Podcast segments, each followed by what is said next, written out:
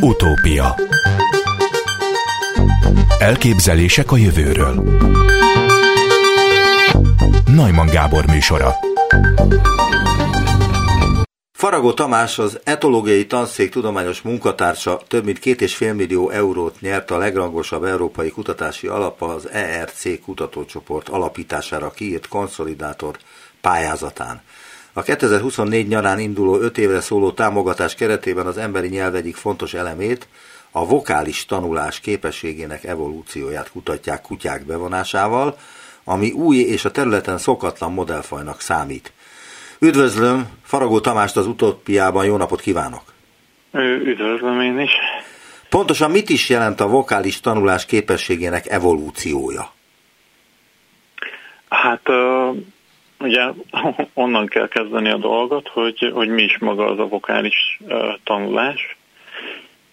Hogyha egy élőlény, egy egyed képes a, az amúgy örökölt genetikailag meghatározott vokális repertoárját külső minták alapján megváltoztatni. Ezt nevezzük vokális tanulásnak nagyon-nagyon leegyszerűsítve.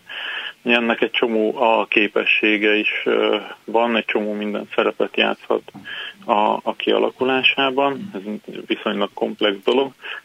Miközben ugye nekünk embereknek ez abszolút egy magától értetődő valami, hiszen a a, a beszéd használatához alapvető, ugye az egyetfejlődés során gyerekkorunkban sajátítjuk el a, a, azokat a beszédhangokat, amiket használunk a, a, a kommunikáció során.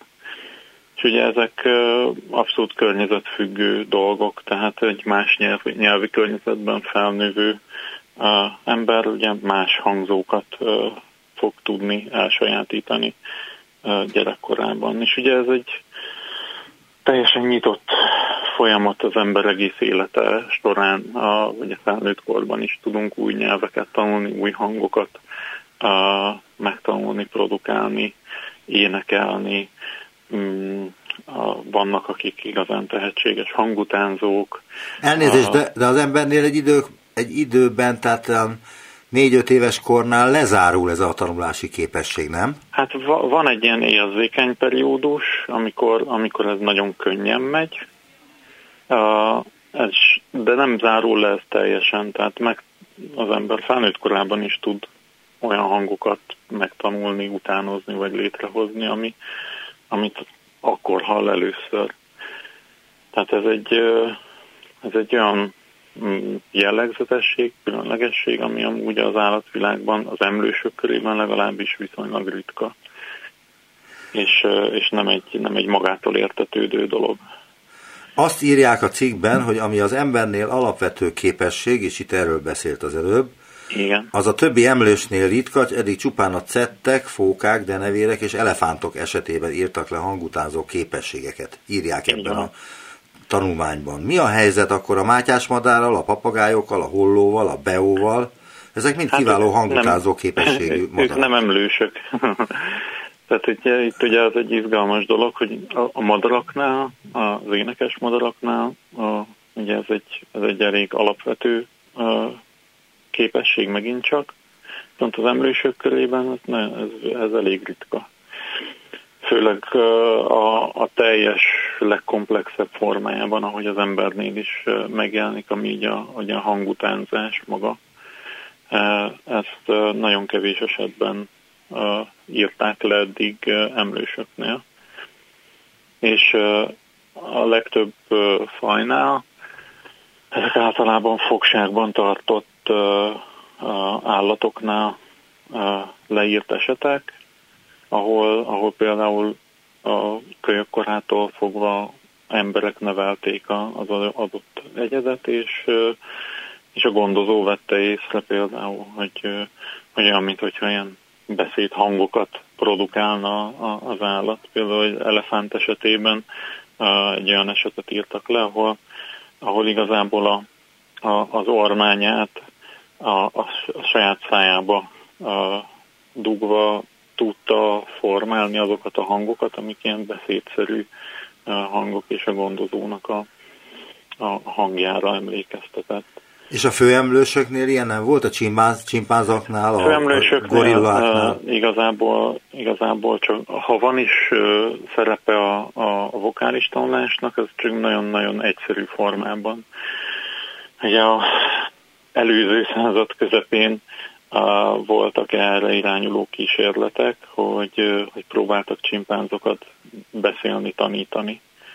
És mint egy embergyerek úgy, úgy nevelték a csimpánzt, és, és nagyon hosszú évek iszonyú nehézkes és hosszú tréningezése során sikerült egy, egy ilyen egyszótagos szónak a formálására uh, megtanítani, Aha. ami így csésze, angolul kap, ami egy viszonylag egyszerű szájtartást és mozgást igénylő uh, hangadás. Mert hogy a, csimpá- a főemlősök közül a csimpázók, illetve a gorillák rendelkeznek olyan hang előállító készségekkel, mint az ember? A, alapvetően anatómiailag igen, a legújabb kutatások szerint még a, a, lézus makákoknak a hangképző szerve is amúgy alkalmasak lennének arra, hogy beszédszerű hangokat produkáljanak. Viszont valószínűleg a, a, az agyi apparátus, a, a, a beidegzés és a, az idegrendszeri kontroll az, ami, a, az, ami kevésbé van meg, vagy, vagy nem olyan formában van meg, mint ahogy az embernél. Mert a kutyák, ha akarnának, se tudnak, tudnának beszélni, mert hogy az ő szájuk az nem alkalmas olyan szavak mondására, mint amilyen az ember. Ez így van, és uh, itt, itt igazából nem is ez a, a cél, hogy akár beszélni tanítsunk. Vagy Egy pillanat felolvasom a cikkből a, azt, azt, ami, egy pillanat felolvasom a cikkből uh-huh. azt, ami erre vonatkozik, erre a részre már, mint ahol éppen most tartunk az interjúban.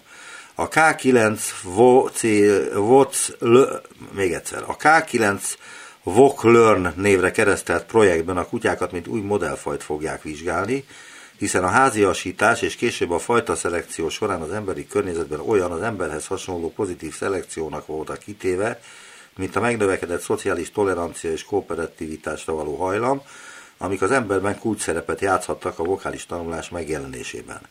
Feltételezések szerint ezek a hatások a kutyáknál is utat nyithattak a vokális tanulás egyes részképességeinek megjelenéséhez.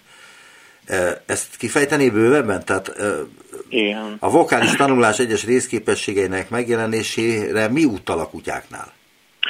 A, tehát maga az, hogy itt részképességekről beszélünk, ez, ez igazából azt jelenti, hogy egy csomó olyan kognitív folyamat együttjátéka szükséges a, a vokális tanuláshoz, aminek egyes elemei különböző fajoknál azért megtalálhatók. Tehát itt például gondolok arra, hogy, hogy milyen szintű akár akaratlagos kontrollja van a, a, az állatnak a, a hangadások fölött, vagy például, hogy képes-e időben szinkronizálni a, a hangadásait másokkal. Ez, és, ez mit jelent, hogy tudja szinkronizálni a hangadásait másokkal? Tehát reagál más kutyák ugatására megfelelő ritmusban, vagy hogyan? Például, igen. Tehát mondjuk, hogyha a, ha mondjuk a főemlősök körében gondolkodunk, akkor a, a, a gibbonoknál nagyon jellegzetes, hogy a, a, a párok azok duetteznek. És és ennek a, a, a duett során ez nem, nem azt jelenti, hogy ők így ülnek a fatetején, és, és mind a kettő külön-külön kiabálja a saját dolgát, hanem, uh, hanem az egyik uh, nek a hangadásai, azok hatással vannak a másik hangadásainak az időzítésére. Tudjuk Tehát, már, hogy, hogy ezek mit jelentenek, ezek a jelek, vagy, vagy még, csak, még csak a hangadásoknak a, erősségét, illetve a reakcióit tudjuk elemezni? Hát a, itt a gibbonok esetében azt lehet tudni, hogy ez így a, a, a párnak a, az összetartását erősíti, tehát ez egy ilyen viselkedési szinkronizációt segít. De van olyan bennük ezekben az információkban, hogy gyere ide, mert itt, a fino, itt finomabb a gyümölcs, mint azon a fán, ahol éppen te vagy? Nem, nem, nem, nem. Hát ezek inkább ilyen territoriális hangok. Tehát így arra szolgál, hogy a szomszédság az, az ne jöjjön közelebb lehetőleg. Világos, tehát akkor ez lényegi információkat nem tartalmaznak ezek a hát úgynevezett hangadások. Egy csomó információt tartalmazhatnak ezek a hangadások, tehát itt akár egyediséget hordoznak, vagy a testméretről mondanak valamit, ami mondjuk így a úgymond területvédő képességéről is informálhatja a szomszédokat. Tehát attól függetlenül, hogy nem milyen nyelvszerű vagy beszédszerű a hangok ezek, ettől függetlenül nagyon sok információ van kódolva a hangadásokban. Ismét a cikkből idézek, a következő öt évben többek között feltérképezzük a kutyák hangrepertoárját és az egyes hangadások egyetfejlődését. Emellett megvizsgáljuk a vokális tanulási képességeiket, különös tekintettel a fajták és fajtacsoportok különbségeire.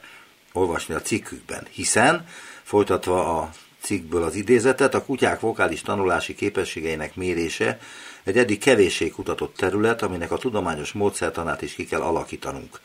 Hogyan fogják ezt csinálni? Hány kutyára lesz majd szükségük? Milyen fajtákra? Milyen idősekre? Stb. Hát többféleképpen is szeretnénk adatot gyűjteni. Egyrészt egy nagy része lesz a, a projektnek, az, amit így úgynevezett Citizen Science-nek hívnak. Tehát itt a, igazából a gazdákat fogjuk megkérni, hogy segítsenek nekünk abban, hogy, hogy gyűjtsenek hangokat a, a saját kutyáiktól. Tehát vegyék föl magnóra magyarul. Vegyék, vegyék föl, mindenkinek azért ott, a, ott van manapság már a mobiltelefon a zsebében, amivel már elég jó hangminőségű felvételeket lehet csinálni, vagy akár videókat, és akkor ilyeneket fogunk például gyűjteni a, a gazdáktól. És uh, emellett uh, ugye így a, szeretnénk genetikai információt is összeszedni, amihez DNS mintát lehet majd küldeni, és hát ugye nagy léptékben gondolkodunk, tehát ez egy nemzetközi adatgyűjtés lesz, nem csak magyar, hanem külföldi gazdáknak a részvételére is számítunk, és hát ahhoz, hogy jó és megbízható adatokat tudjunk gyűjteni, ahhoz bizony minden fajtából, amit csak elérünk, azért jócskán ja, a, a felvételnek, meg a DNS mintának összegyűlnie. Itt azért ilyen több ezeres nagyságrendről beszélünk összesen. Mi a prekoncepciója ennek a... Tehát mi a prekoncepció ennek a kutatásnak? Tehát mi az, amit beszeretnének bizonyítani, hogyha be lehet bizonyítani, és hogyha nem hogyha úgy van, ahogy önök gondolják. Gondolom, hogy ezt, ezt a pályázatban is kérték számon. Így, nem? igen. Tehát itt a hipotézis az az, ami uh, emberek esetében a, egy feltételezés, és ugye nem tudjuk direkt uh, vizsgálni az embereknél, hogy uh, az evolúció során a, az, hogy, uh, hogy szociálisan toleránsabbak lettek a, az emberek egymással, csoporttársaikkal, a, az indíthatott be olyan nagy folyamatokat, ami hozzájárult ahhoz, hogy a, a, a, a vokális tanulásnak ezek az elemei megerősödjenek, vagy megjelenjenek. Illetve a, a, erre rakódhatott rá a kooperációra való készség, a, ami, ami szintén egy ilyen nagyon erős szelekciós tényezőként tudott működni és ez erősíthette meg ezt a, ezt a folyamatot. Erre külön-külön más fajoknál vannak bizonyítékok, hogy ez, ez működhet. Milyen bizonyítékok? A azért különleges, mert, mert az ő esetében ez a két folyamat ez nagyon hasonlóan az emberhez lejátszódott. Illetve a fajtáknak az összehasonlításán keresztül igazából egy ilyen skálán tudjuk ezt, ezt vizsgálni. Ugye vannak fajták, amik genetikailag közelebb állnak a, a farkassal való közös őshöz. Ez vannak fajták, amik, amik erősebben voltak arra szelektálva, hogy kooperációra képesek legyenek az emberrel. És így a fajtáknak a, az összehasonlításán keresztül meg tudjuk azt nézni, hogy ezek a vokális tanulásban szükséges részképességek, ezek, ezek együtt mozognak -e ezeken a skálákon.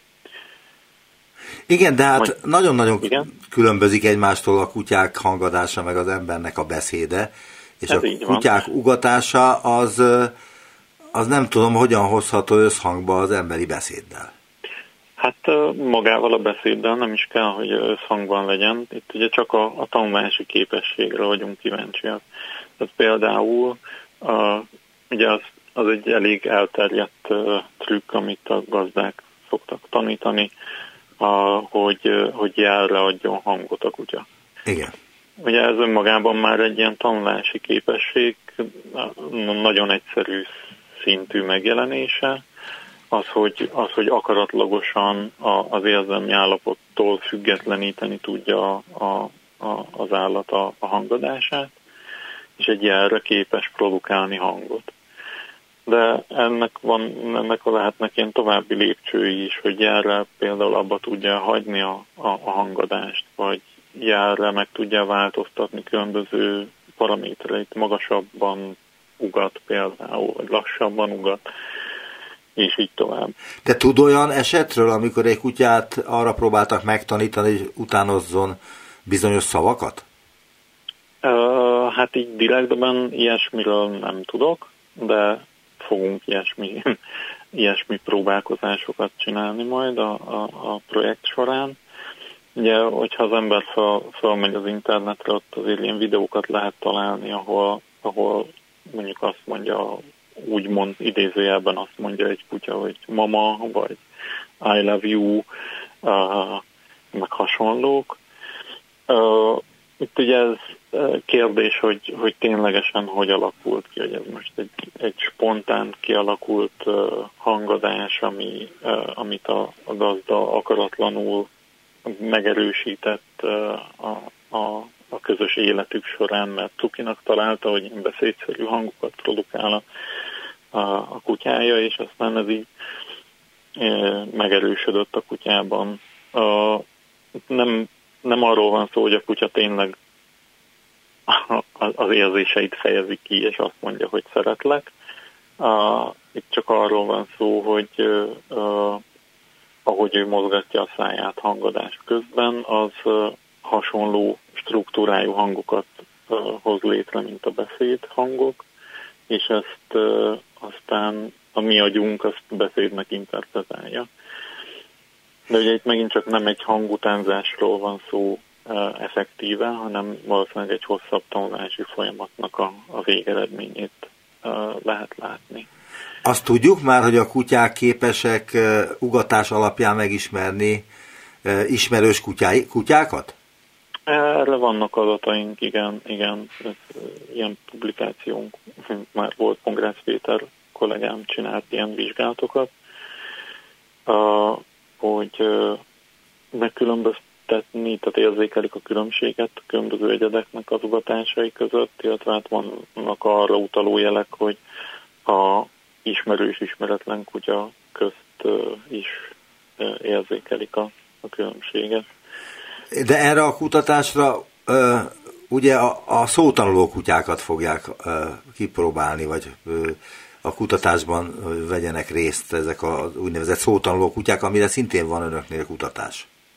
Mm, nem kifejezetten, uh, teljesen átlagos kutyák Mármint, hogy, dolgozni. hogy van ilyen kutatás, de nem ilyen kutyákat akarnak erre a kísérletre felhasználni. Nem, nem szigorúan. Hát mindenképpen az érdekes lesz és, és, és gondolkodtunk is ilyen, ilyen irányban, hogy, a, hogy ezeket a kutyákat is bevonni a, ezekbe a tanulási kísérletekbe. Ugye ott a, a szótanuló kutyáknál arról van szó, hogy, hogy tárgyaknak a nevét képesek nagyon gyorsan és nagy számban megtanulni. Igen. De ugye itt ennek, ehhez nem párosul egy ilyen produkciós oldali dolog, ami egy teljesen más mechanizmusokat, agyi mechanizmusokat igényel. Azt, igen, azt írják még, hogy vizsgálataink fontos elemei lesznek a viselkedés, test, viselkedés tesztek mellett olyan a tanszéken már sikerre használt eljárások is, mint az agyműködés időbeli és térbeli jellegzetességét leíró nem invazív elektroenkefalográfia. és a funkcionális mágneses magne, magrezonanciás képalkotás, illetve a viselkedés genetikai módszerek. Lehet erről többet megtudni? Tehát hogyan történnek ezek a vizsgálatok? Hát igazából ugye nálunk a tanszéken EEG és vizsgálatok, illetve FMRI vizsgálatok, azok gyakorlatilag azt mondhatom, hogy már hosszú évek óta rutinszerűen folynak. Ez ugye mind a kettő olyan eljárás, amivel betekintést tudunk nyerni abba, hogy hogyan működik az agy a, a, az állatban. Az EG uh, során kis elektródákat ilyen paszta segítségével lehet felragasztani a, a, a fejére a kutyának, tehát itt a szőrön keresztül a, ér hozzá csak a fejbőrhöz a, a pasztán át, abszolút fájdalommentes, minimális. És ehhez nem kell elaltatni? eredményezés, ezek ébren lévő kutyák, és például folynak olyan kísérletek, amikor ilyen EG elektródák vannak a kutya fejére helyezve, és, és különböző hangokat játszanak vissza nekik, és az erre adott agyi reakciókat lehet, lehet megvizsgálni ezen keresztül. Az FMRI az, az annyiban komplexebb, hogy, hogy egy hosszabb tréning előzi meg. Tehát itt egy olyan kutyákkal tudunk dolgozni, akiknek a gazdái vállalják azt, hogy rendszeresen járnak hozzánk a tanszékre, a kísérleteket megelőzően akár fél évig részt vesznek tréningen, ahol a kutyák megtanulják azt, hogy a, ebben a nagy zajos gépbe csendben mozdulatlanul tudjanak feküdni 6-8 percen keresztül. Uh-huh. És a, maga az MR készülék, az pedig ugye a, a mágneses térnek a, a változásain keresztül tudja vizsgálni azt, hogy a, az agynak melyik részén látható aktivitás. És uh, itt is uh, például hangokat lehet lejátszani a, a, a kutyának, akit éppen vizsgálnak, és a különböző hangokra a adott agyi választ lehet összehasonlítani. Azt írják még, hogy tovább erősítjük a tanszéki bioakusztikai kutatásokat, és új gépi tanulásos módszerek bevonásával is bővítjük a lehetőségeinket. Ez mit jelent még pluszban?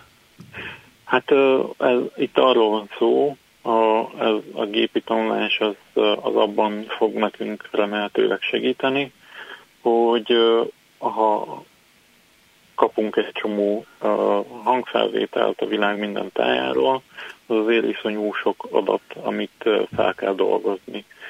És a, a tanszéknek már van egy elég terjedelmes akusztikus adatbázis a különböző kutyahangadásokról, és ennek segítségével tanítanánk be a algoritmusokat arra, hogy a különböző hangadásokat megkülönböztesse egymástól, tehát így, így fel tudja címkézni a, automatikusan, hogy ez most ugatás, nyiszítés, morgás, valami furcsa, a, bármi más. És, és így a, a, a, ezeknek a felvételeknek a feldolgozása az, az, az sokkal könnyebbé és automatizáltá tud válni remélhetőleg. Önnek van kutyája? Van, igen, igen. Milyen? Egy keverék. Örökbe fogadtuk. És mennyire inspirálja önt a kutatásaiban? abszolút, abszolút. Én is tanítgattam arra, hogy, hogy erre hangot adjon, illetve hát a, a előszeretettel használja a hangját figyelemfelkeltésre és kommunikáció. Igen, de hát a kutyák nem tudnak moderálni, tehát ők egy hangon ugatnak, egy kicsit hangosabban is tudnak, de halkan nem tudnak ugatni. Um, amúgy, amúgy de. Az én kutyám nem tud halkan ugatni, ezért is veszekszek vele. Láttam már olyat, olyan kutyát, ami úgy kvázi suttogva ugatott. Nagyon szépen köszönöm az interjút, és sok sikert kívánok a öt éves kutatásához, mert hogy ez öt évig fog tartani. Igen. Hányan vesznek részt, hány kutató vesz majd részt ebben összesen? Uh, hát uh, A tervek szerint legalább négy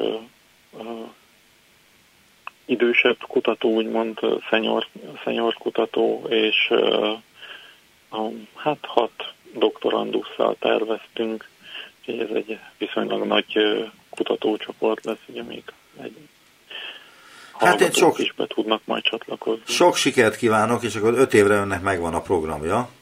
Bőven. Faragó Tamás az ELTE etológiai tanszék tudományos munkatársa volt az utópiában, viszont halásra. Köszönöm szépen.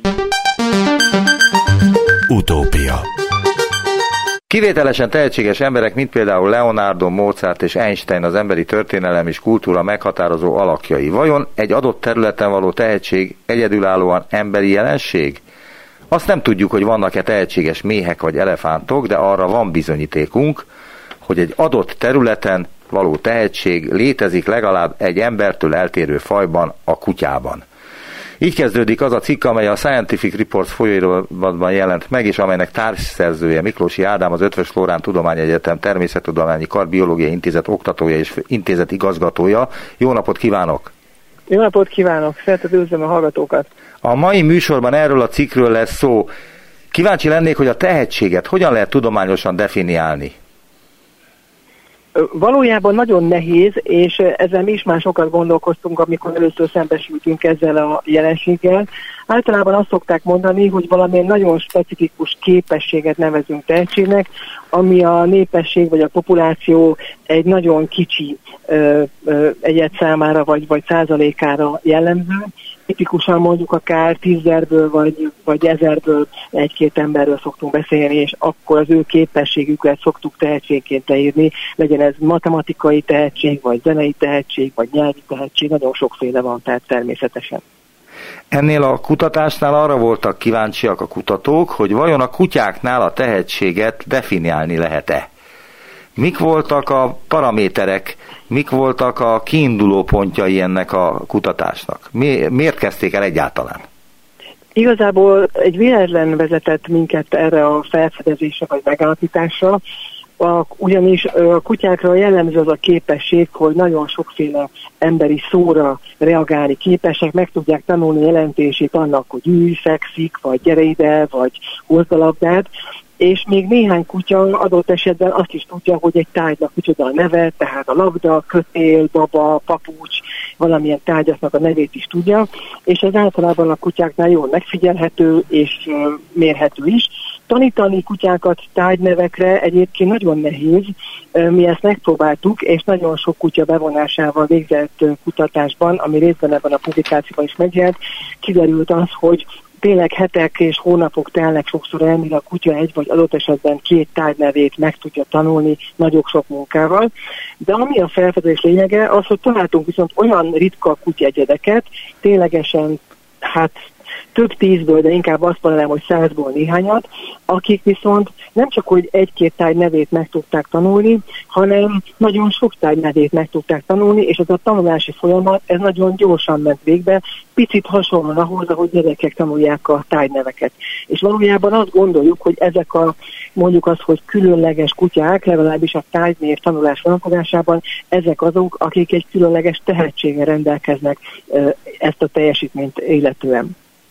A Családi Kutya Program kutatócsoportja, és itt visszatérnék a kutatás legelejére, 40 kutyát intenzív három hónapig tartó tréningprogramban képzelt, képzett olvasni a cikkben. Hogyan válogatták ki ezt a 40 kutyát? A 40 kutyát igazából úgy válogattuk ki, hogy bárki jöhetett a, a kísérletbe. A 40 kutya az igazából úgy jött össze, hogy ebből 15 kutya volt, aki kutyaként kezdtünk el szavakat tanítani, és 15 olyan kutyát kerestünk, akinek a gazdája hajlandó volt abban együttműködni, hogy felnőtt kutyájukat tanítjuk meg egy vagy két, vagy adott esetben három szó tanulására, és emellett még egyébként volt jó néhány kutya, akikről már korábban azt sejtettük, hogy ők valamilyen értelemben különlegesek. Ezek közül egyébként csak egy él Magyarországon, az összes többi kutya az különböző országokban él a gazdájukkal, és ez a hát összességében körülbelül 41 az, aki elkezdte a szavaknak a tanulását. A és ebben az esetben tapasztaltuk azt, hogy akár egy átlagos kutya valaki, akár egy átlagos felnőtt kutya valaki, a, egy három hónapos tréning során is, hát legfeljebb két szót tud megtanulni egy kutya, tehát mondjuk a, nem tudom én, a tájának a nevét meg tud különböztetni egy kedvenc játékának a nevétől, és ezeket a kutyákat múlták föl nem csak kismértében, hanem nagyságrendileg sokkal több tájnév megtanulással. Ezek az úgymond tehetséges kutyák, akik a három hónapos időszak alatt nem három tájnevét tanulták meg, hanem a legkevesebb is, ha jól emlékszem, ilyen 6-7 tájnevet tanult meg, de a legjobb kutya az akár 15-20 tájnevét is megtanulta ezzel az időszak alatt.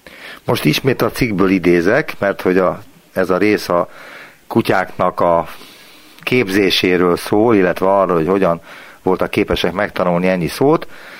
Először azt feltételeztük, hogy a fejlődési tényezők, mint például a kölyökkor neuroplaszticitása, vagyis hogy a kölyökkutyák gyorsabban megtanulják a tárgyak neveit, mint a felnőtt kutyák, szerepet játszhat a folyamatokban, ezért a vizsgálatra felnőtt és kölyök kutyákat egyaránt toboroztunk, számol be dr. Claudia Fugazza, a projekt vezető kutatója.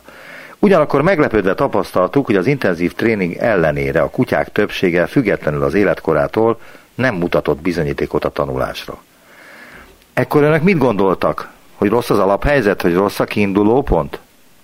Ö, hát ez mindenképpen fölmerült bennünk, ugyanis maga a tanulási program, amit kitaláltunk, az azon az elven lett hát kifejlesztve, hogy mit meséltek nekünk azoknak a kutyáknak a gazdái, akik tehetségesnek bizonyultak.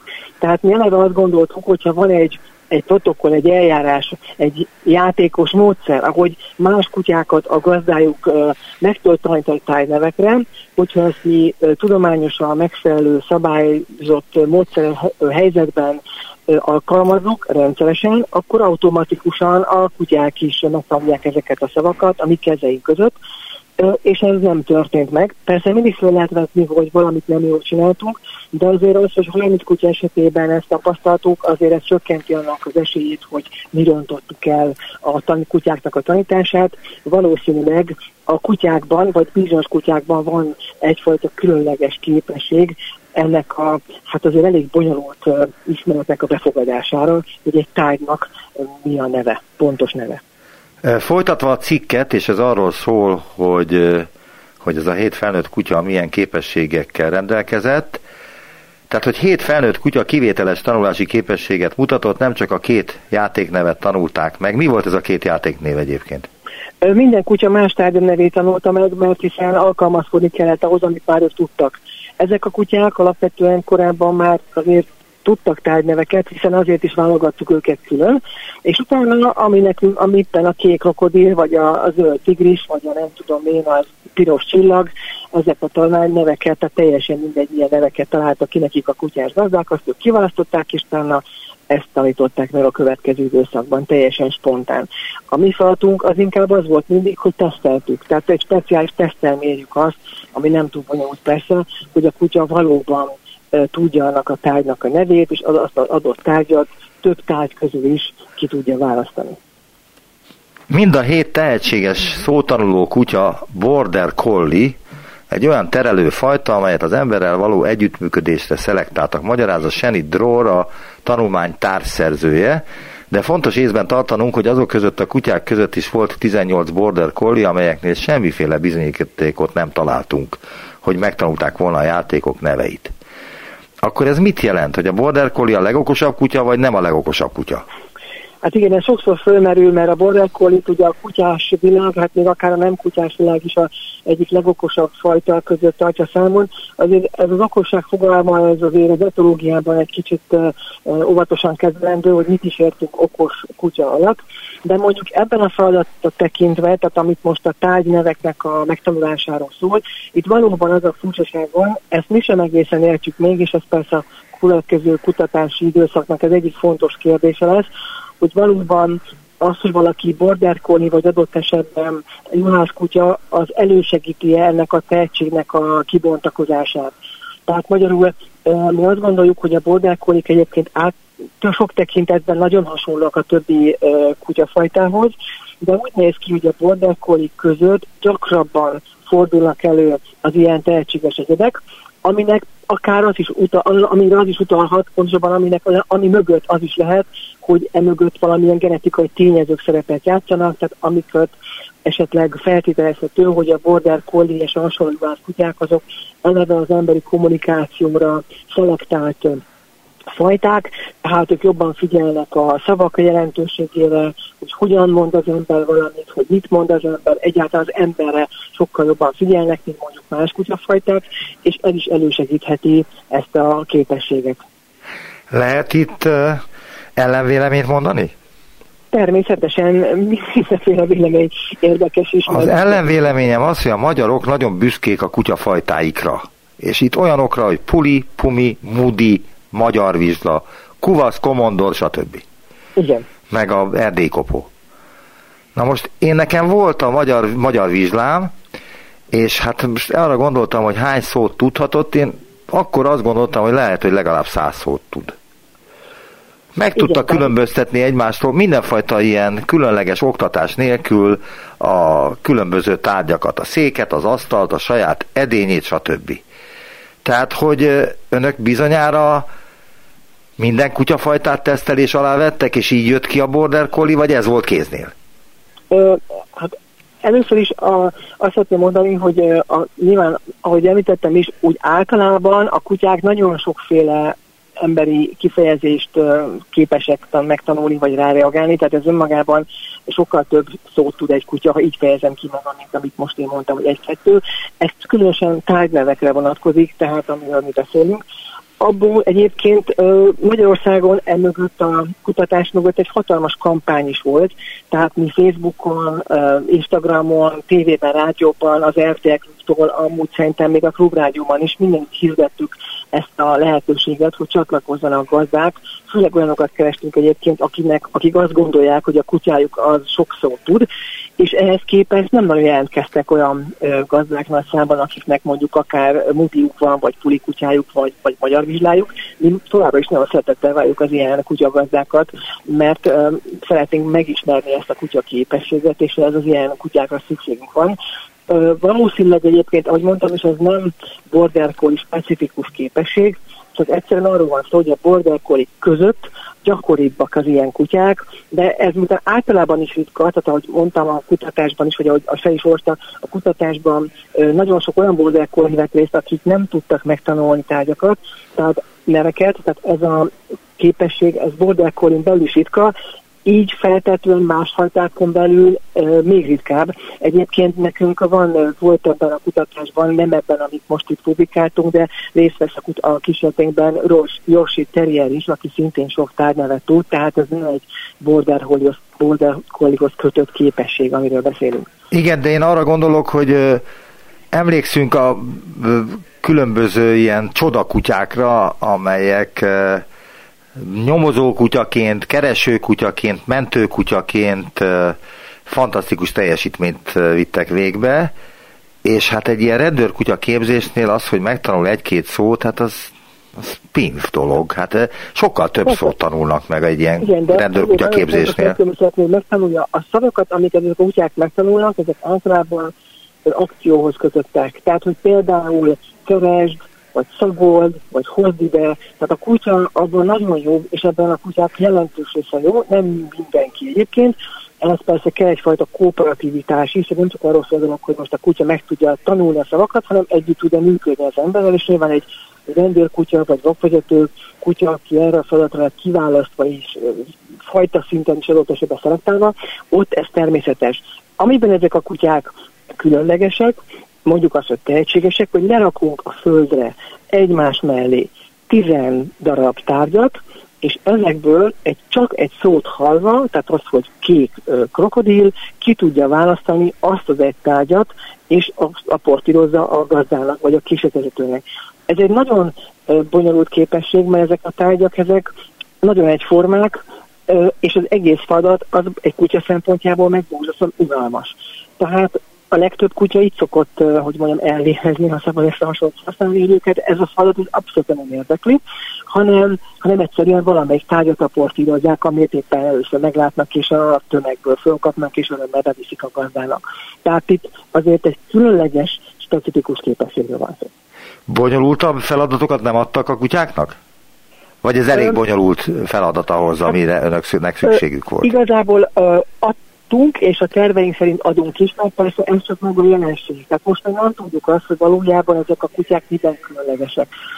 Egy kutyát, akit nagyon alaposan teszteltünk, mert az sokkal régóta már ismerjük, ez egy Norvégiában élő border egyébként, ő esetében olyan kísérleteket is meg tudtunk tenni, hogy ez a kutya, ez nem csak a tájneveket tanulta meg, hanem kialakultak az ő elmében olyan koncepciók, amik arról szólnak, hogy vannak a labdák, vannak a frisbik, vannak a kötelek, tehát magyarul neki azt is meg lehetett vele csinálni, hogy mondjuk egy ilyen vegyes tárgykupacba berakunk egy darab kötelet, amit ő még sose látott korábban, mert, mert vannak neki kék kötele, zöld kötele, rövid kötele, hosszú kötele, de azt a kötelet azt akkor vettük aznap, beletesszük a sok-sok tárgy közé, és azt mondtuk neki, hogy hozd a kötelet, akkor ő ki tudta hozni azt az egy új tárgyat, mint kötelet az összes többi tárgy közül. Ezt megint csak ennél a kutyánál egy szépen tudtuk igazolni, hogy minden kutya, aki tárgynevekkel dolgozik, vagy képes ezeket megtanulni, valóban ilyen koncepciókat is hát ugye felismer, ezt nem tudjuk, de hát ezekre a következő kutatási fognak majd választ adni. Ez a tehetség, ha egyáltalán ezt emberi értelemben, vagy nem tudom milyen értelemben tehetségnek lehet nevezni, miért alakulhatott ki a kutyáknál? Az emberrel való együttlakás következményeként? Igazából én megfolytanám a dolgot, és azt mondanám, hogy azért tudjuk ezt a tehetséget jól észlelni, mert ez egy olyan típusú tehetség a kutyákban, ami egy emberi képesség is egyben, ugye az, hogy mondjuk szótanulás. Üm, valószínűleg ez egy véletlen egyébként. Tehát, Micsoda? Nem értettem, ugye, bocsánat. Tehát valószínűleg ez egy véletlen, Igen. az, hogy konkrétan egy-egy kutya az képes ilyesmire. Lehet, hogy van mögötte genetikai ö, esemény is, de feltétlenül ezek a kutyáknak az egyetfejlődése során történik valami változás az agyukban és az elmékben, hogy ez a képesség ez ilyen nagyon feltűnő módon megjelenik. De kutya oldalról ugye ezt úgy szeretek képzelni, hogy mondjuk biztosan, hogy ön is említette, például egy, egy rendőrségi, vagy egy rendőr kutya, aki nyomozási feladatokat segít, tehát szagokat követ, vagy azonosít. Itt is vannak biztos nagyon tehetséges kutyák, csak ezeket nagyon nehéz észrevenni, és úgymond bebizonyítani, hogy az ő tudásuk az sokkal-sokkal jobb, mint mondjuk a társaiknak a tudása. Mert a mi esetünkben ez az, ami a kísérletekből nagyon egyértelműen kiderül, hogy ez a néhány kutya, ez mondom, tízszeresen, százszorosan az az átlag kutyát ebben a nagyon specifikus képességben. És még ami szintén fontos, hogy amúgy ezek a kutyák teljesen átlagos kutyák. Tehát ha valaki rájuk néz, akkor a formára kinézetre, border collie, a klasszikus feladatainkban, amit csinálunk, tehát akár egy mutatásos teszt, vagy egy ilyen problémamegoldó feladat, ott nagyon hasonlóan teljesítenek, nem szuperebbek, nem rosszabbak, mint az átlag. Tehát ez is arra utal, hogy itt van nagyon különleges, egy specifikus képességről van szó. Nem lehet, hogy, hogy az fordul elő a kutyánál, ami az embernél is? Mert az emberek, ha nem muszáj, az agyukat nem használják. Mindent megtesznek annak érdekében, hogy agyukat ne használják. Feltételezem, hogy a kutyák egy része ugyanígy gondolkodik, illetve ugyanígy nem gondolkodik. Nem lehet, ez hogy ezért lehet. van? Ez is lehetséges, csak ez valószínűleg a, ebben az állapotban nem annyira, hát most így mondom, a tudatós, tehát ugye a legtöbb kutya, mert a, a tehetséges kutyáknak a gazdák azért mi eléggé kifaggattuk, hogy egyáltalán hogy vették ezt észre, és akkor ott kiderül, hogy ezek a kutyákat érdeklik ezek a dolgok, tehát ők szeretik a tárgyakat, ők ezeket aportírozzák, és borzasztó gyorsan megtanulják a nevét. Ezt picit úgy tudom talán illusztrálni, és én szoktam használni az emberi példát, hogy nyilván, hogyha valaki nagyon nagy zenei tehetség, de mondjuk olyan helyen ahol nincsen semmilyen eszköz Szóval Nem értettem, az előbb, amikor közel vette a mikrofont, akkor minden szót lehetett érteni, de most megint elmosódás. Bocsánat. Tehát azt lehet, nem tudom honnan folytassam, de mondjuk, ha egy emberi példát tudnék mondani, hogyha van egy mondjuk egy zenei tehetség, és olyan helyen nő fel, ahol semmilyen zenei szerszám nincsen, akkor ez sose fog róla kiderülni. De ha van mondjuk egy, egy szerkezet a házban, akár legyen az egy zongora, de ha senki nem használja, ő ezt észreveszi, akkor el fogja kezdeni a hangokat produkálni, és akár maga módon, tehát autodidakta módon is meg tud úgymond tanulni, bizonyos szintig legalábbis zenélni. Tehát ezeknél a kutyáknál is valami ilyesmiről van szó, hogy ők, mert valószínűleg van egy késztetés arra, hogy a tárgyakat ők azokkal játszanak, aportírozzanak, érdekli őket, és aztán a gazdák ezt észreveszik, és aztán egyre inkább ez egy ilyen szokás a játéká válik, hogy a gazdának tetszik az, hogy a kutyája ilyen játékos, vesznek újabb tárgyakat, azokat is úgy elnevezi, csak akkor spontán, és a vége az, hogy észreveszünk, hanem egy pár hónap alatt van egy olyan kutyánk, aki 15-20 tájnak a nevét tudja. Ez a szótanulás, bocsánat, ez a szótanulás fejleszthető ezeknél az úgynevezett tehetséges kutyáknál? Igen, tehát a, a magyar kutya a Max, aki a médiában is már többször szerepel, sőt neki saját YouTube csatornája is van. A Max most már azt hiszem száz szó fölött tart, és még egy, egy éve 15-20 szóval indult ő is, sőt most már ugye olyan szavakat tanul meg, hogy különböző rajzfilmek figuráinak a nevét, tehát amit meg legyártanak, vagy lehet kapni kutyajátékként ilyen figurákat, azoknak a nevét is megtanulni, és akkor azokat is lehet aportőzni. Ők ezt nagyon szeretik, és ugye ez nagyon sok gazdának, ez egy, meg hát a kutyának is egy jó játék, nyilván nem egész nap állandóan, de ez is egy izgalmas tevékenység, a tárgyakat el lehet rejteni különböző szobákba, és akkor különböző kupacokban, a kutya keresheti őket, és ez egy nagyon izgalmas tevékenység a gazda és a kutya számára. Nagyon szépen köszönöm az interjút. Dr. Miklósi Ádám, biológus, a Magyar Tudományos Akadémia levelező tagja, az Ötvös Lorán Tudományegyetem Természettudományi Kar Biológia Intézet oktatója és intézet igazgatója volt az utópiában. Köszönöm szépen, viszont hallásra! Viszont hallásra, és köszönöm szépen a lehetőséget. Viszont hallásra!